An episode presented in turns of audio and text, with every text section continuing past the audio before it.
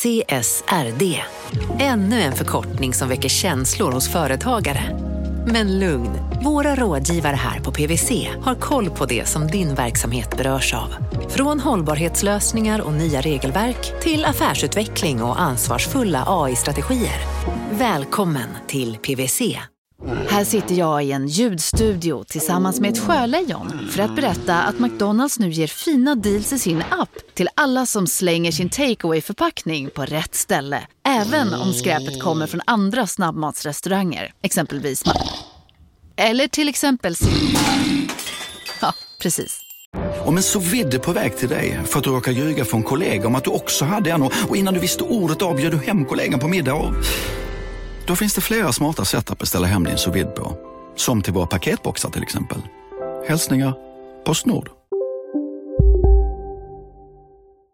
Innan vi börjar, en eh, genuin ursäkt. Verkligen förlåt. Verkligen eh, förlåt. Vi pratar om tröjtävlingen. Mm. Eh, vår chef är en boomer som inte förstår hur Instagram fungerar. Eh, det är inte sant, men, men absolut, han förstår inte hur Instagram fungerar. Nej, det här är också typ mest mitt fel, så, så verkligen förlåt. Eh, Vi sa så här, tips om kapitalet, tagga oss i ett inlägg på Instagram så väljer vi det roligaste tipset och så vinner någon en jätte, jättesnygg tröja.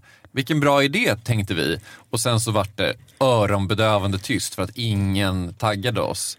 Ingen ville tipsa om oss. Eh, det som hade hänt var ju inte att ni hade liksom lämnat oss, eh, utan eh, vi kan ju inte se alla taggningar. Eh, PGA alla har privata konton. Ja, så först då förlåt, vi fuckade upp det här. Eller jag och Jakob kanske lite också.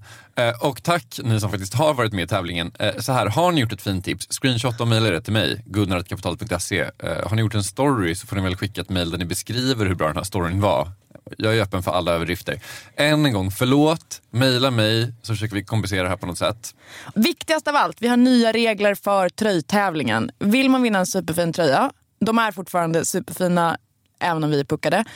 Det man måste göra för att vi ska kunna se de här fantastiska tipsen i framtiden, håll i er, man måste använda en hashtag. Vi tänker att vi inte gör det svårt för oss. Eh, använd hashtaggen hashtag kapitalet. Eh, och så, ja, så har vi inte privata konton. För det, ja, då vinner man inga tröjor helt enkelt. Det, det minnesregeln är privat konto, tom garderob. Va? eh, alltså, ett, förlåt. Två, tips om kapitalet. Använd hashtag kapitalet. Vinn världens finaste tröja. Maila mig om ni har gjort något fint redan. Från Monopol Media, det här är Kapitalet. Jag heter Gunnar Harrius. Och jag heter Åsa Secker. Rätta mig om jag har fel Åsa, men jag skulle säga att av alla medelstora svenska ekonomipoddar så har vi nog varit den som berättat överlägset mest om hur elnätet fungerar de senaste åren. Ja, alltså Jakob försökte ju en gång förstå hur det svenska elnätet fungerar. Och varför det fungerar som det fungerar. Framförallt varför då kanske.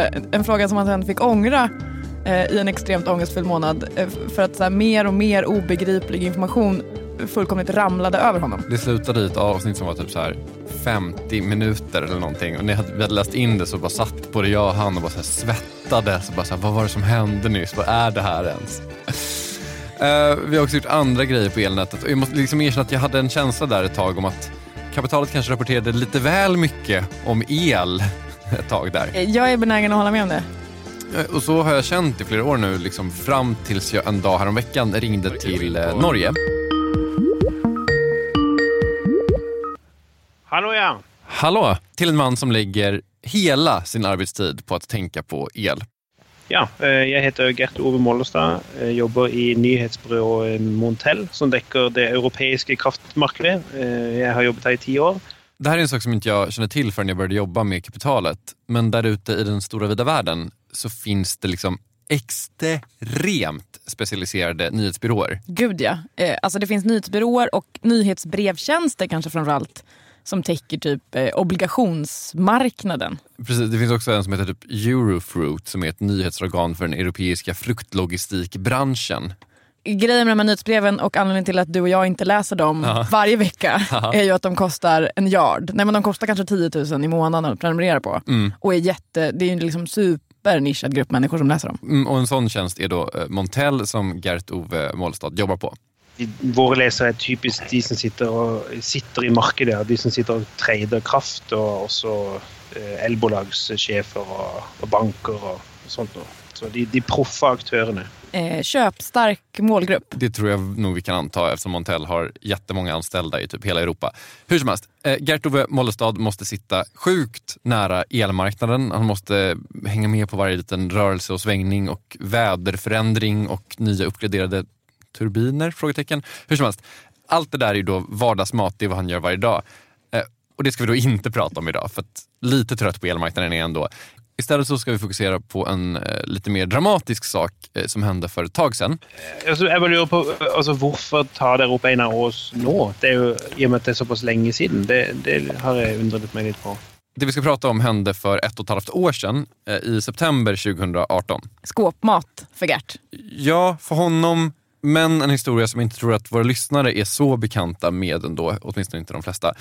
Och den börjar med då ett namn som vi redan har hört, även om det kanske var lite svårt att uppfatta för att det var lite risigt ljud där i början.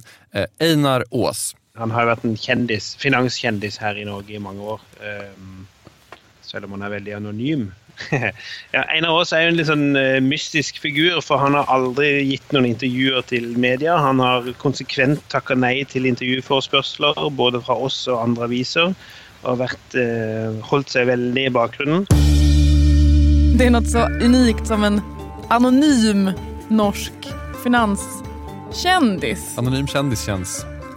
Ja. Nyskapande. Ja. Vi, vi håller oss till ordet nyskapande. Vi kan väl säga att han är så anonym att han inte vill vara med i kapitalet. Så anonym faktiskt att han inte vill vara med i någon tidning någonsin. Han har aldrig gett en intervju. Och den här personen har på något sätt med el att göra? Mm, det skulle man kunna säga. Man skulle kunna säga att han har något med el att göra.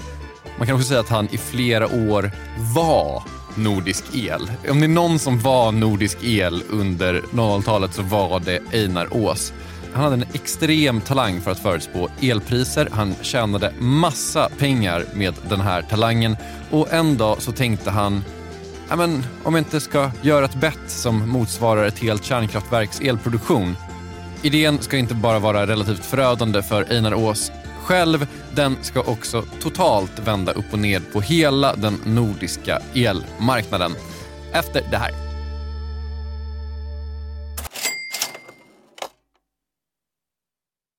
Vi sponsras av Storbrand Asset Management som ju förvaltar över 1000 miljarder norska kronor, bland annat för SPPs eh, många pensionssparare.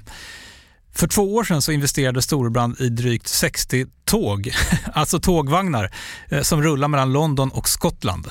De leasar sedan de här tågvagnarna till tågoperatören som alltså kör tågen och säljer biljetter och sånt eh, med ett avtal på 27 år. Så britterna får nya fina tåg och Storbrands kunder, eh, däribland alltså SPPs pensionssparare, får en inflationsskyddad avkastning med låga risker under lång tid. Det här är ett av supermånga exempel på hur pensionskapitalet i växande omfattning bidrar till att bygga samhället och inte minst till att klara klimatmålen. Det behövs elproduktion, elnät, batteriparker, nya transportlösningar och allt möjligt. Bara i Europa antas investeringsbehovet för att klara klimatmålen uppgå till tusentals miljarder dollar. Och det här är ju pengar som ganska ofta saknas i statsbudgetarna. Däremot är det här pengar som pensionsbolagen kan vara med eh, och stoppa in, vilket ger pensionsspararna en fin avkastning under lång tid samtidigt som man är med och ställer om samhället. Vi har gjort ett helt avsnitt om det här eh, som man kan lyssna på. Det publiceras här i Kapitalet i mitten av maj. Ratta gärna in det om ni vill lära er mer om hur det här funkar. Men tack säger vi till Storbrand Asset Management som ju investerar i alla tänkbara tillgångslag, bland annat för pensionsbolaget SPP. Och tillsammans försöker ju vi, Storbrand och SPP, öka medvetenheten om hur pensionerna funkar och vilken roll pensionerna spelar i samhället och i ekonomin.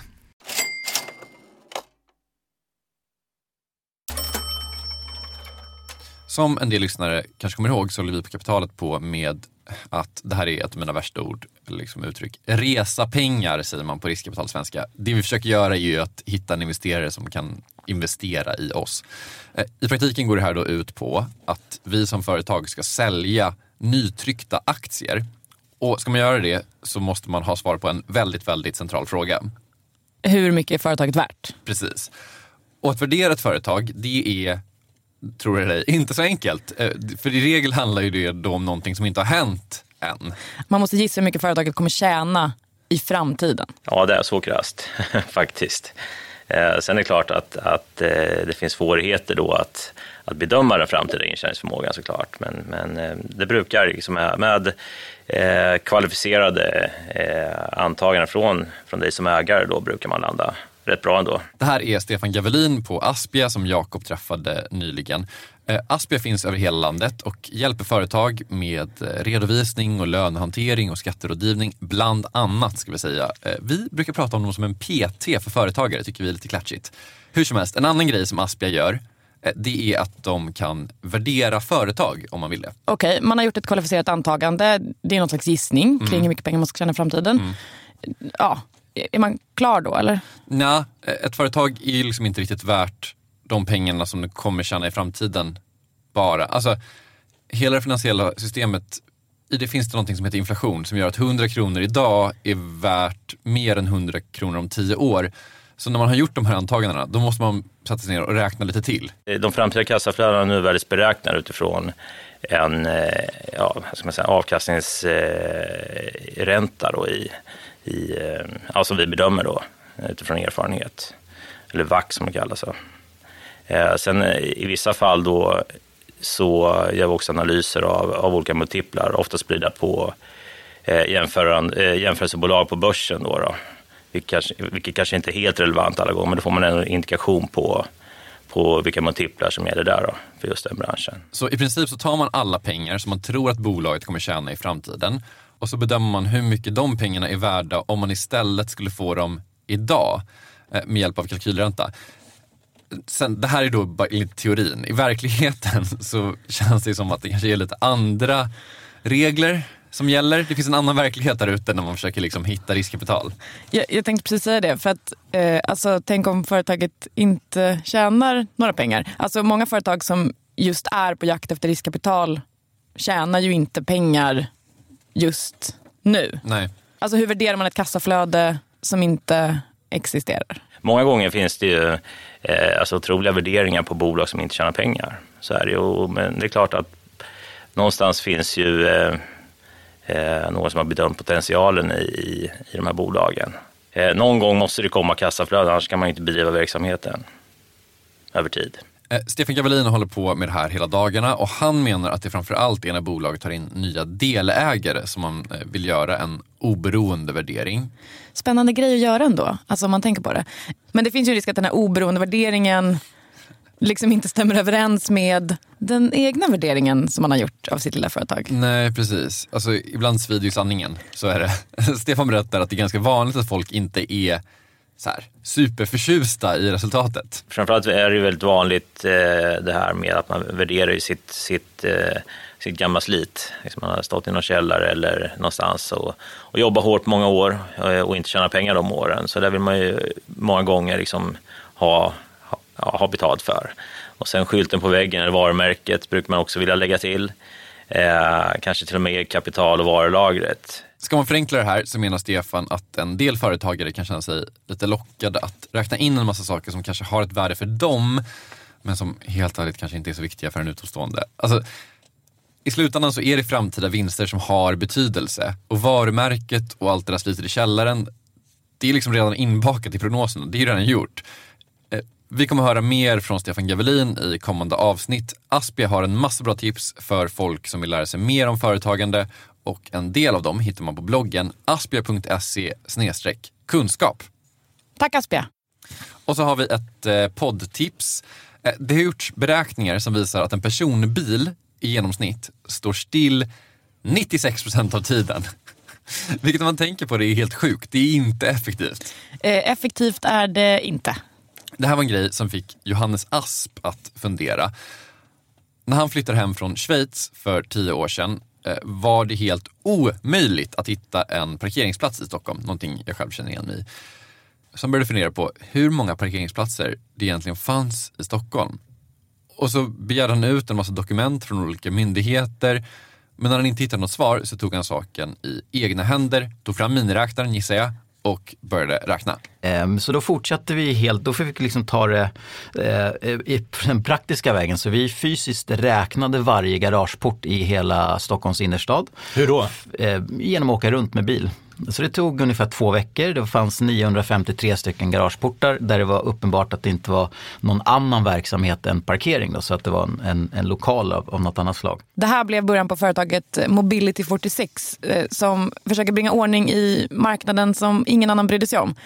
Hela den här historien hör ni i podden Fastighetsprofilerna som vi på Kapitalet gör åt eh, Tessin. Och den podden hittar ni i er poddspelare. Fastighetsprofilerna alltså, lyssna på den. Einar Ås, vem är han? Jo, eh, jag vet inte hur långt tillbaka du vill gå i historien.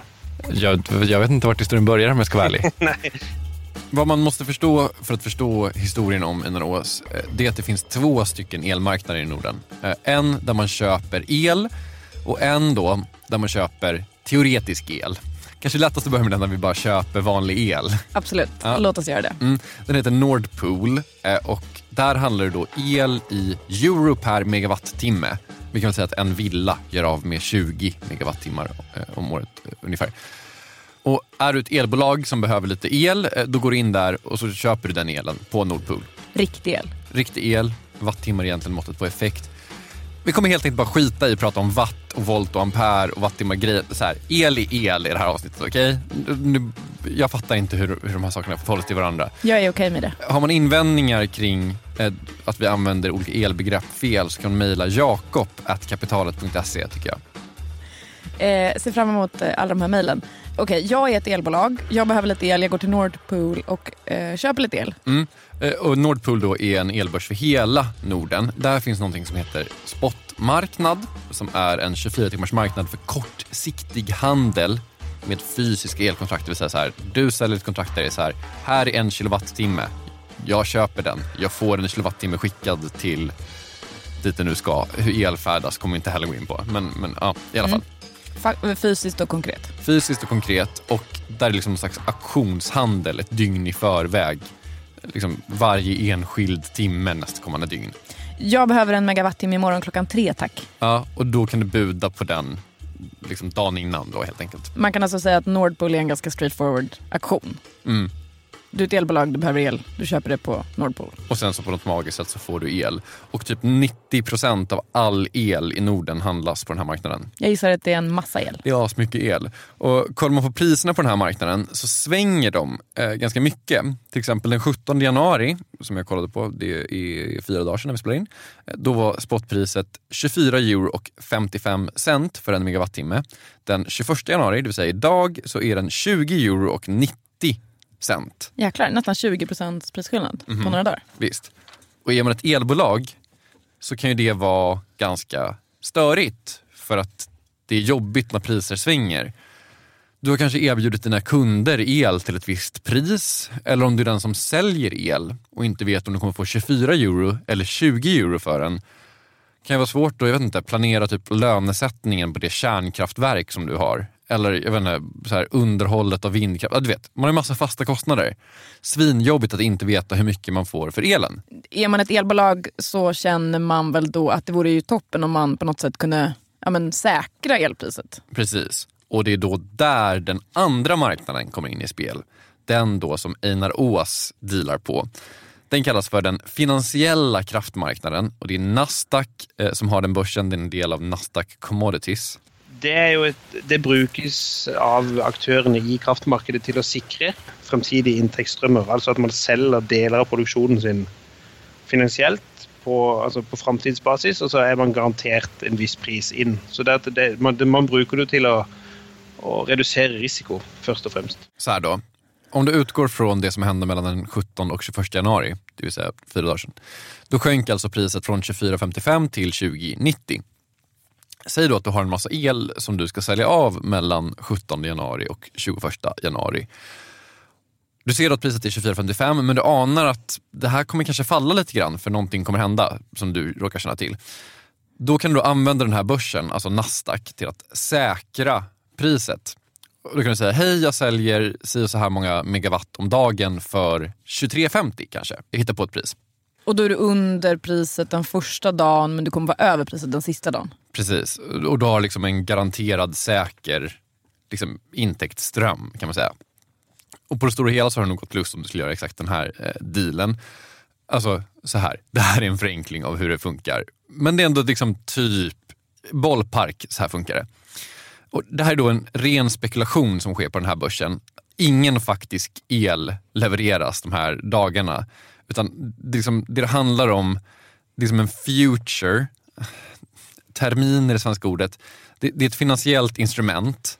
Och finansiellt instrument, det är ju ett av de vagaste uttrycken vi har. Det man behöver veta för den här historien, det är då att den här börsen, den finansiella börsen, det är en metod för elbolagen. Tänk på det som en metod tycker jag att det blir lite lättare att tänka på. Det är en metod för elbolagen liksom att kunna säkra priserna, att kunna veta vad de ska betala för el och vad de kommer få betalt för sin el. Eh, ska man förenkla det till sin kanske absolut mest grundläggande form så kan man väl kanske se på det som en vadslagning, alltså som ett bett. Visst. Jag bettar att elpriset kommer sjunka och om du tror att det kommer stiga så tar du bettet. Eh, Som sagt, jätteförenklat men visst, typ så. Och sen så kollar man då på den faktiska marknaden, var därför förklarade hur den faktiska marknaden funkar och finns överhuvudtaget. Den som heter Nordpool. Hur gick det? Gick priset upp eller gick priset ner? Alltså hur långt in i framtiden pratar vi här? Du kan då köpa kontrakt som ska säkra priset i upp till tio år tror jag. Eh, Wow. Sen, sen kan du göra det ner till någon dag bara. Eh, Så det finns liksom massa, massa, massa olika bets du kan göra. Eh, Och de som säljer kontrakten, alltså den teoretiska elen, det är de som säljer fysisk el. Alltså producenter, i vanliga fall. Och de som köper, det är de som i vanliga fall köper vanlig el. I teorin. Sen finns det då personer och företag och annat som aldrig Kapitalet sponsras av Master Exchange, plattformen där du som privatperson kan investera i låtar och får pengar varje gång de här låtarna spelas. Eh, vi berättade ju senast eh, om barnlåten Puff the Magic Dragon som noterades av Master Exchange under våren. Nu har utdelningen på den låten kommit, eller royaltyn som vi säger i musikbranschen. Eh, den ligger på drygt 12% i årstakt och det här är ju en avkastning som är helt okorrelerad till eh, börsen. Till och med Goldman Sachs har börjat skriva om just musik som investering eh, just ur det här perspektivet. Nu finns en möjlighet att investera i en ny låt. Eh, låten heter Boss Bitch och den är av Doja Cat som, alltså jag ska inte säga att jag är superdeep här men det är ändå en, en person som jag vet om det är. En, en världskändis. Den här låten gav baserad på förra årets spelningar en avkastning på drygt 13% Master Exchange har just nu en väntelista på registreringar. Det, det går lite för bra för dem kan man säga. Men skriver ni in kapitalet som promo code så kan ni runda kön och ansöka om andelar i låten Boss Bitch ändå. Om ni investerar helt vanliga pengar, det är inget krypto eller sånt där. Så vill du investera i musik och få en avkastning som är helt okorrelerad med börsen och kanske inte minst för att det är kul att äga låtar eh, så kan man gå in på masterexchange.com och använda kapitalet som promo code så går man alltså förbi kön. Kom ihåg dock att alla investeringar är förenade med risk men vi säger stort, stort tack till Master Exchange. Kapitalet sponsras av Karla, Jakob. Ja, bilar igen. Ja, det är Eh, härligt. På Karla kan man sälja sin elbil eh, på det gissningsvis smidigaste sättet i Sverige. Eh, Karla har ju ett nästan ett komiskt högt användarbetyg på Trustpilot. Mm. 4,8 av 5, vilket jag typ aldrig hört talas om. Nej, det är väldigt, väldigt högt. Eh, Man knappar in lite info om bilen på sidan, sen får man en gratis värdering och ett bud. Accepterar du budet kommer Karla och hämtar upp bilen gratis och sätter in pengarna innan de kör iväg. Inget mer än så. Rätt fantastiskt. Nej, det är faktiskt Ja. helt otroligt. Och eh, det kan bli ännu mer eh, otroligt än så. eh, För att vi har nämligen en rabattkod som ger dig 2000 kronor extra för bilen. Så om du säljer din bil så får du två lax extra. Stämmer. Bara sådär. Eh, koden är Monopol. Och eh, den uppger du när du har värderat bilen och eh, pratat med Karlas inköpare. Koden är giltig till sista maj, så att eh, passa på om du går i säljartankar. Jag undrar om vi haft en kod som har gett två lax bara sådär någon gång. Det är Nej, helt otroligt. man behöver en bil förvisso. Absolut, så det är inte, kanske inte bara sådär, men det är ändå 2000 kronor extra. Väldigt bra. Ja. Så sälj din elbil eller laddhybrid till Karla. Du får 2000 kronor extra med rabattkoden Monopol. Eh, hoppa in och kolla på karla.se, Karla med C. Där kan man också köpa bilar ska jag tillägga. Verkligen. Vi säger stort tack till Karla. köper någon riktig el men som ändå finns på den här andra teoretiska marknaden. De håller bara på med eh, spekulationsdelen. Det enda de gör är att göra stora bets på kommer priset på el stiga eller kommer priset på el sjunka under en viss period. Och Einar Ås, som det ska handla om idag, han är en sån person. Han är inte en kille som vill ha en massa el skickad till sig. Han kan inte hantera två kilowatt om han så fick betalt för att göra det. Det han däremot vill göra är att spekulera på elpriserna. Eh, Vi kan säga att eh, sällskap betyder företag på norska. Eh, Einar Aas han, han begynte jo eh, sin karriere i kraftmarkedet i et selskap som het Interkraft Trading, som ligger i Arendal, altså helt sør i Norge. Eh, og, og Der begynte han eh, på slutten av 1990-tallet. Og etter at eh, selskapet ble solgt i 2001, så valgte han å gå solo. Og det var da de virkelig store resultatene begynte å komme. Och när Gert-Ove Mollestad säger stora framgångar, då menar han stora framgångar. Det visar sig att Einar Ås har en löjlig fallenhet för att kunna förutspå priset på el. Og han tjente ut veldig gode penger gjennom hele 2000-tallet. Eh, han har eh, gjort det så bra at han har ligget helt på inntektstoppen i Norge i mange år. Eh, og det var kanskje det, 2000 og, altså, I Norge publiserer man skattelistene offentlig hver høst. Mm. Eh, hvor man da får eh, et bilde av hvor mye inntekten har vært eh, året før. Eh, og i, eh, i f.eks. i 2013 så lå, var, han Norge, hadde, var han den i Norge med høyest inntekt, med 313 millioner kroner. Noe som bare økte til 502 millioner kroner i 2014, altså en halv milliard kroner. Ja. Og, og det topper seg i 2016 med 833 millioner kroner i inntekter. Der veldig mye av dette kommer fra eh, krafthandel. Det er helt unikt i norsk sammenheng. 2014 tjänade han alltså en kvarts miljard, sen en halv miljard och sen 800 mil. Det är, det är ordentliga summor. Det är det verkligen. Eh, De här pengarna då, de har han tjänat genom någon form av strategi som man nog kan karaktärisera som ändå relativt våghalsig. Eh, gjennom årene så har han jo tatt sikkert ut- utallige eh, posisjoner, bets, da, som både har gått bra og gått dårlig. Og, men han har jo hele tida blitt karakterisert som en, har tatt, som en som har tatt stor risiko. Altså vært villig til å ta stor risiko, og også tjent veldig mye på det. Hög risiko betyder hög risk. Varsågod för den översättningen. Tack. Eh, Jag kan också säga att eh, han slutade jobba för de här olika sällskapen efter ett tag och började handla på citat egen bok. Det säga, alltså, som privatperson eh, handlar han på den här börsen. kan vara värt att hålla i huvudet medan vi fortsätter den här historien. Han har tagit positioner, förenklat då gjort bets. Ibland på att priset ska falla, ibland på att priset ska stiga. Och även om han ibland har haft fel så skulle jag säga att hans inkomstdeklaration vittnar om att han i alla fall oftast haft rätt. Och att han har gjort stora bets. Ja, och han har gjort det med hävstång, eh, vilket man väl kan förklara som att man gör det med belåning. Alltså man har gjort bets med belåning. Lite som när man köper en lägenhet kan man säga. Alltså du går in med typ 15% i insats och så går man till banken och så går banken in med resten. Och går priset upp så blir det kanoners för dig. Ja, men går den ner med 15% då är det dina pengar som försvinner först. Så då har du förlorat alla dina pengar. Och eh, inför 2018, då ska eh, Einar Ås göra ett nytt bett. Då är det nämligen så här. Det är en relativt stor skillnad mellan elpriset på den tyska marknaden och den nordiska marknaden. Hmm. För stor, tycker Einar Ås. Som menar att den tyska den är för dyr och den nordiska är för billig. Varför tycker han det? Det har nok eh, både Det har nok historiske årsaker. De, altså, Norden og Tyskland pleier å svinge ganske godt i takt.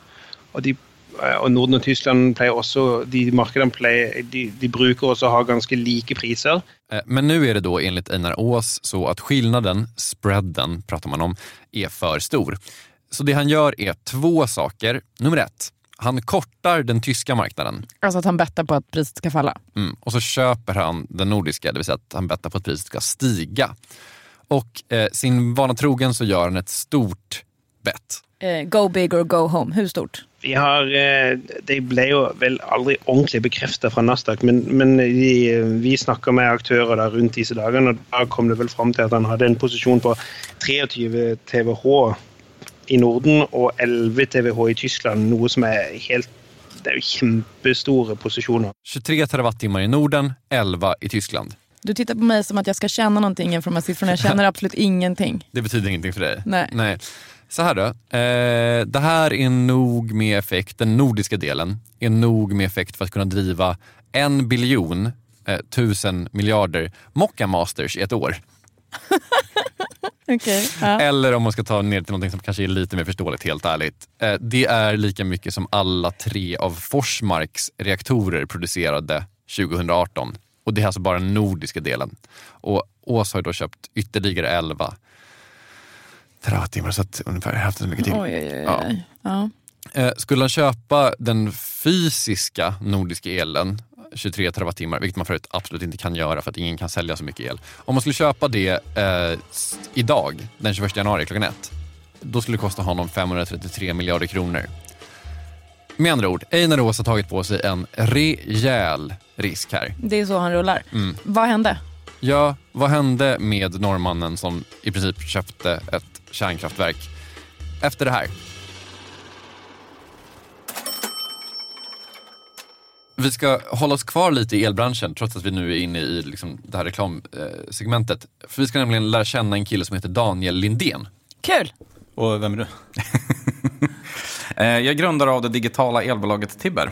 Daniel Lindén och eh, hans kollega Edgeir Vårdal Axnes startade Tibber 2016 när de insåg att det i princip inte hänt någonting i elbranschen. Eh, sen slaget i Hastings tror jag det är det man brukar säga. När var det?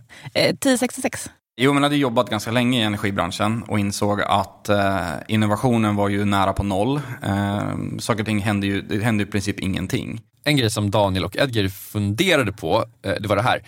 Energi, det är ju en miljöfråga. Alltså om vi konsumerar väldigt mycket el så är det i förlängningen dåligt för miljön. Det måste man bara liksom erkänna.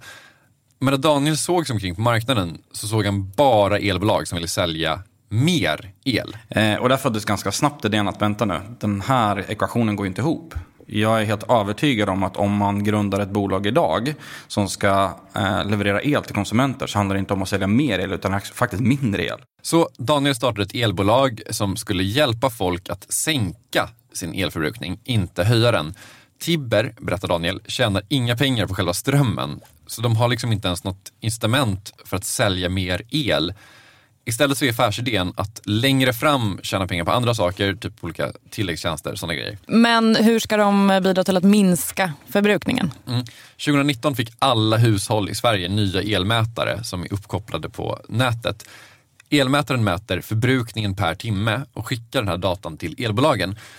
Så de tänkte att då gör de en app där kunden kan se vad elen faktiskt går till och på den vägen få hjälp att sänka sin förbrukning. Men alltså vet elmätaren vad som går till eh, kaffekokaren och vad som går till typ, jag vet inte, tvn? Nej, det vet han inte. Men om man glider in på Tibbers kontor, vilket jag rekommenderar alla att göra, så är två av tre människor som du träffar typ matematiker eller utvecklare. Eh, alltså de har utvecklat massa, massa olika modeller som bakvägen ska försöka lista ut hur ditt konsumtionsmönster ser ut. Har de hackat elmätarna? Nej, jag tror inte det. Dels så kan man se någon slags grundförbrukning då såklart. Alltså sånt som alltid är igång. Typ en laddare som alltid sitter i väggen eller en tv i standby-läge, ett kylskåp, du vet sådana grejer. Tibber kallar det för alltid på. Börjar redan tänka på alla maskiner i mitt hem som är alltid på. Okej. Mm. Så kan vi se, Eh, här är förbrukning som sker kanske när du vaknar eller på kvällen eller sådana saker som är mer liksom inte alltid på. Om då blir det typ av beteende. Sen har du ju förbrukning som följer temperatur utomhus och som vi ser att det här värmer ju faktiskt hemmet. På sommaren är det inget, på vintern blir det kallt, blir det mycket. Så då klarar vi av att klassificera det, eh, elbilar och så vidare också. Så det är, en, det är en avancerad modell egentligen vi byggde för att kunna på ett enkelt sätt bryta ner kostnaden som man kan ta få relatera till det helt enkelt. Så smart. Verkligen. Så idag är Tibber, om man ska hårdra det, ett elbolag med en app. Eh, Du får grön el i uttagen och så kan du se i appen hur din förbrukning ser ut. Vad går elen till? Varifrån kommer elen? Alltså från vilket kraftverk rent fysiskt. Och så kan du se hur mycket den kostar. Men också jämföra din förbrukning med andra hushåll. Okej, jag tolkar den här pitchen som att så här, börja intressera dig för din el. Ja, var inte bara en hjärndöd person som har autogiro och så tänker du aldrig på el. För Nej, men el exakt. är en grej som finns och som är bra. Och det är det som Daniel vill. Alltså, han menar att samhället kan tjäna väldigt mycket på att konsumenterna faktiskt bryr sig om elen. Men att branschen hittills inte varit så duktig på att få folk intresserade. Mer information om Tibber finns på Kom, De har alltså också en app där man superenkelt kan byta elbolag och bli kund hos Tibber och alltså få billig, grön och smart el som man kan hålla koll på. Tack till Tibber.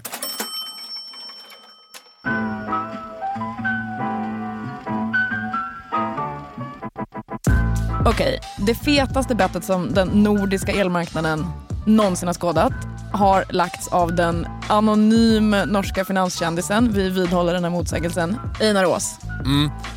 Rent tekniskt då så är det klart inte bara ett bett, utan han har massa olika positioner med massa olika löptid som man säger. Alltså, någon kanske är på ett år, någon är väl på ett kvartal. Ingen vet det här riktigt. Summan och kardemumman i alla fall, eh, det är så här. Massa, massa pengar ligger på att den tyska elmarknaden ska falla och den nordiska ska stiga. Spänningen är olidlig. Mm. För att förstå vad som hände sen då så måste man förstå lite vad som styr priset på el i alla fall. Annars kommer det här vara obegripligt. Jag ska vara helt ärlig, jag tänker aldrig på det. Alltså el kostar vad det kostar. Liksom. Så har jag också alltid tänkt. I den världen har jag levt fram till nu. Såklart finns det då saker som påverkar elpriset. Vi kan börja med Tyskland där Einar då tror att priserna ska falla. I i Tyskland så produceras väldigt mycket el av kol och fossilbaserad energi. Och då är det då, surprise surprise, kolpriser som styr. Eh, och då är det liksom tillgång och efterfrågan och priset på utsläppsrätter. Typ. Det känns logiskt, älskar när det är logiskt. Mm. Eh, hur ser det ut i Norden? I Norden har vi då massa olika typer av energi. Alltså det har man i Tyskland också, men det är ju jätteförenklat också. Men de förbjöd kärnkraften, så den är gone. väl? Exakt. Ja. I Sverige har vi kvar en del kärnkraft, men vi har också massa, massa vattenkraft. Eh, och det har man också i Norge. I Norge har man hur mycket vattenkraft som helst. De ska alltid vara värst. Ja, jag vet. Det är hemskt. Och priset på vattenkraft styrs väldigt mycket av regn. Okej, mer regn, mer vatten, mer vattenkraft. Logiskt. Mm, jag tycker också det. Det är den enkla förklaringen. Eh, Man har olika magasin med vatten som man så sitter och håller på och sen så släpper man på eller släpper man inte på. Och olika personer så bevakar de här magasinen för att se hur mycket vatten det finns i dem. Och Det är då en sån faktor som spelar in i hur mycket el eh, kostar. Även väderleksrapporter ska sägas eh, kan påverka elpriset så här i förväg. Åh, nu kommer en vecka med mycket regn, då sjunker elpriserna. Så här. Så den nordiska marknaden är väderberoende, det är sammanfattningen. Mm. Och källa, norska tidningen eh, Finansavisen Du menar Finansavisen? Mm. Alla meteorologer har förutspått en torr höst med stigande kraftpriser. Det låg inför hösten 2018. Eh, hösten som Einar Ås har lagt ett stort bett på. Stigande kraftpriser i Norden, det som Einar Ås har förutspått alltså. Men sen hände det som inte får hända. Måndag den 10 september så började det regna rätt rejält. Och grejen här är ju då att om det regnar på rätt ställen eller fel ställen för Einar Ås skull så kan det samlas ihop väldigt mycket vatten i de här magasinerna. Och eh, priserna i Norden börjar falla Gert-Ove Mollestad sitter på Montells kontor i eh, Oslo. Ja, vi, altså, vi begynte, altså, det kom noen sånne litt rare signaler den mandagen. at Det var litt, ra, det var litt merkelige markedsbevegelser. Vi fikk ikke helt ting til å, å rime eh, med hva, altså, hvordan prisene gikk. Men, men vi, ikke, vi fant ikke ut av hva dette skyldtes, eller om det var noen sånn konkret årsak. Priserna i Norden faller. Samtidigt så händer en annan grej. Här. Här är en graf över priset på utsläppsrätter i EU mellan 2012 och 2019. Ser du något speciellt här? Eh, Ja, det händer något där. Det är en ordentlig, det är en ordentlig sväng Hösten uppåt. 2018 där så, ja, Den sticker iväg. den sticker iväg det ser ut som en hockeyklubba i princip. Ja. Eh, I den här svängen så kom det nya så tuffare tag mot utsläpp i EU. Eh, utsläppshandel är supermäckigt, vi kommer inte gå in på hur det funkar. Eh, men i princip så kan man säga att EU bestämde att man ska ta bort 265 miljoner utsläppsrätter från marknaden. Eh, Jag har ingen aning, men spontant skulle jag säga att det låter mycket. Och det är mycket. Och som en effekt av det här så stiger då de tyska elpriserna. Så de nordiska priserna sjunker och de tyska stiger. Uh-oh. Det är motsatsen till vad Einar Ås eh, trodde. Mm. Och det fortsätter att regna och de nordiska fortsätter att sjunka och de tyska fortsätter att stiga. Och när allt är sagt och gjort och man räknar ihop det här, svängningen som hände under den här dagen var 17 gånger större än vad som anses vara normalt.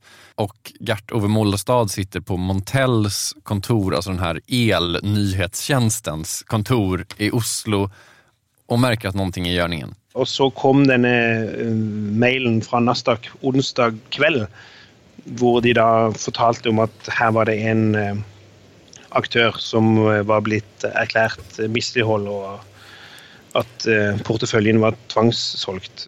någon som handlade på Nasdaq hade hamnat i obestånd, alltså hade kraschat helt enkelt. Eh, och Nasdaq hade tvångssålt hela portföljen. Men Gert visste inte vem det här hade hänt för. Eh, han försöker hela onsdagen, halva torsdagen ta reda på det här och vid klockan 13 på torsdagen så kommer ett uttalande. Einar Ås själv mejlar ut en pressrelease och säger att det är han som har förlorat. Det var, helt, det var en helt uvirkelig stämning för han har ju varit den mest eh, och största største traderen. Och, eh, Og, det var han som skulle ha blivit drabbad av det här var helt, det var helt uvirkelig. Helt utrolig. Vi hade aldrig kunnat föreställa oss eh, något sånt.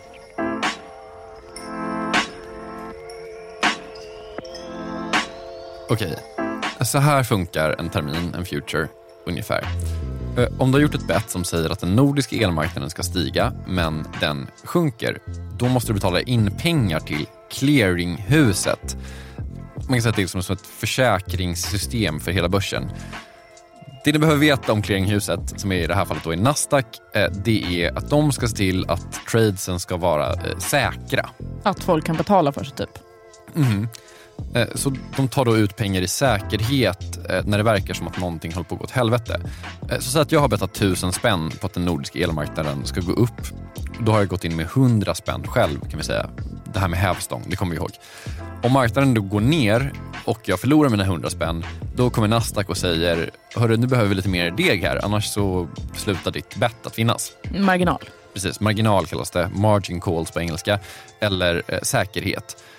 Och när de nordiska priserna sjunker och sjunker och sjunker och de tyska stiger och stiger och stiger, då ringer Nasdaq till Einar Ås fler och fler gånger. Mer pengar måste betalas. Den siste dagen da, så betalte han inn 350 millioner kroner i, Mm. i ytterligere marginer. Det var jo etter å ha betalt inn veldig mange millioner før det. Så vi, vi, snakker, vi, vi snakker jo om eh, enorme summer her. Okej, t- 350 miljoner i marginal på en dag. Och det var bara den sista inbetalningen. Han har liksom hållit det här bettet i liv ganska länge vid det här laget. Tur att han är rik. Man får anta att han är rik. Efter det här så var hans pengar slut. Och hans positioner defaultas, eh, alltså de tvångssäljs.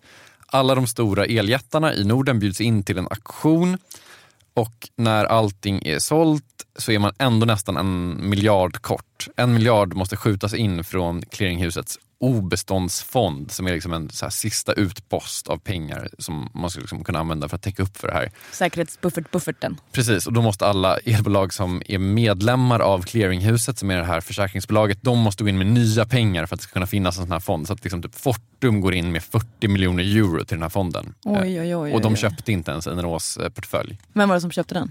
Det vet man inte, för att Nasdaq vill inte bekräfta vem som köpte den. Men Det var Vattenfall. Og jeg har jo spurt selv Magnus Hall om han vil bekrefte det, men det vil han ikke. De har jo benekta å kommentere det hele veien, men, men alle mener at det var Vattenfall. Det er nok Vattenfall. alla andra som var på den auktionen sa, vi köpte den inte. Vattenfall har sagt, det här vill vi inte kommentera.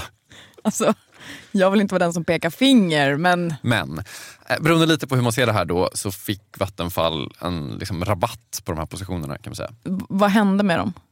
Ja, eh, det som alltid händer känns det som när man hör om såna här historier. Einar Ås hade ju rätt såklart till slut. Spreaden på de här tyska och de nordiska elpriserna minskade rejält eh, sen. Och han hade gjort en helt bisarr vinst om han bara hade kunnat betala marginalen eh, när det gick dåligt. Man bara hade varit ännu lite rikare. Exakt. Det verkar som att han landade helt okej på fötterna ändå. Alltså, vi ska komma ihåg att han gjorde de här tradesen som privatperson. Det vill säga att det är liksom han själv som är... Han, han verkade ducka personlig konkurs eh, och gjorde någon slags deal med eh, olika parter på Nasdaq eh, om likvidering av sina egendomar. Bla bla. Han verkar ha fått behålla ett hus och en båt. Det var väldigt mycket tjafs om en båt i norska tidningar. Jag vet inte varför. Alltid rimligt att tjafsa om båtar. Så länge man har ett hus och en båt så är man väl, ja, då har man väl sitt på det torra, eller? Ja, jag och en cykel, en cykel, man måste ha en cykel också. Ja, jag vet inte om Ås fick behålla cykeln eller om inte, Fortum tvingade honom att sälja av cykeln. Man kan ju då argumentera för att alla klarade sig helt okej, men Einar Ås krasch har också lyft frågan kring börserna och clearinghusens roll. Alltså för hela poängen med dem, sägs det då, ska ju vara att de ska kunna säkra börserna, alltså se till att allting sköts eh, rätt.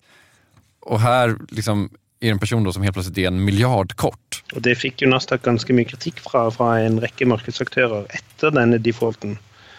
både att det är tillåtet att av oss handlar på börsen som privatperson, men också att positionen hans var så enormt stor. Uh, då i ett marknad som kanske inte är det mest likvida. Det har varit fallande volymer på Nasdaq i många, många, många år. Så, så det var ju det, eh, Nasdaq fick hård kritik. Eh, uh, till att han hade så stor position.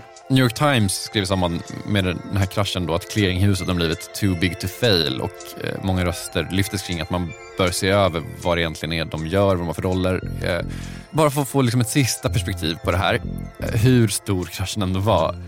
Det var liksom en betydande förlust för Ås hemkommun när kraschen skedde för att han betalade så mycket skatt till sin kommun. Att det är så här, typ, oj nu är det typ trubbel i den här kommunen. Jag trodde inte rika människor betalade skatt. Ja, men han gjorde det. Han deklarerade ju så 800 miljoner ett år och sånt där. Okej, ja. En sista grej. För två veckor sedan, när det här avsnittet kommer, så fick Einar Ås ett nytt jobb som analytiker på en eltradingfirma. Klart han fick det. Han hade ju ändå rätt. Han hade ju faktiskt rätt till slut. Han, bara hade, han spelade spelet lite fel kan man ändå eh, argumentera för. Men visst, rätt är rätt och klart grabben ska ha ett jobb. Med det är kapitalet slut för den här veckan. Jag tycker Gunnar här är just ute Säcker. Eh, Kristoffer eh, Krook har slutmixat det här och vi är tillbaka igen om en vecka. Så länge hörni, gå in på Instagram som är en fotodelningsapp. Hjälp till att sprida kapitalet där, tagga oss och så har ni chans att vinna vad jag skulle säga är poddvärldens objektivt snyggaste tröja. Poddvärldens? Varför sa jag det? Världens snyggaste tröja. Instämmer. Hej då!